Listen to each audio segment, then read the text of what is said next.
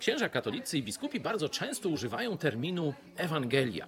E, Katolicy też zapewne myślą, że wiedzą, co to jest Ewangelia. Jeśli byś katolika zapytał, co to jest Ewangelia, co ci odpowie? Otóż powie, no, takie cztery księgi, on dobrze zorientowany.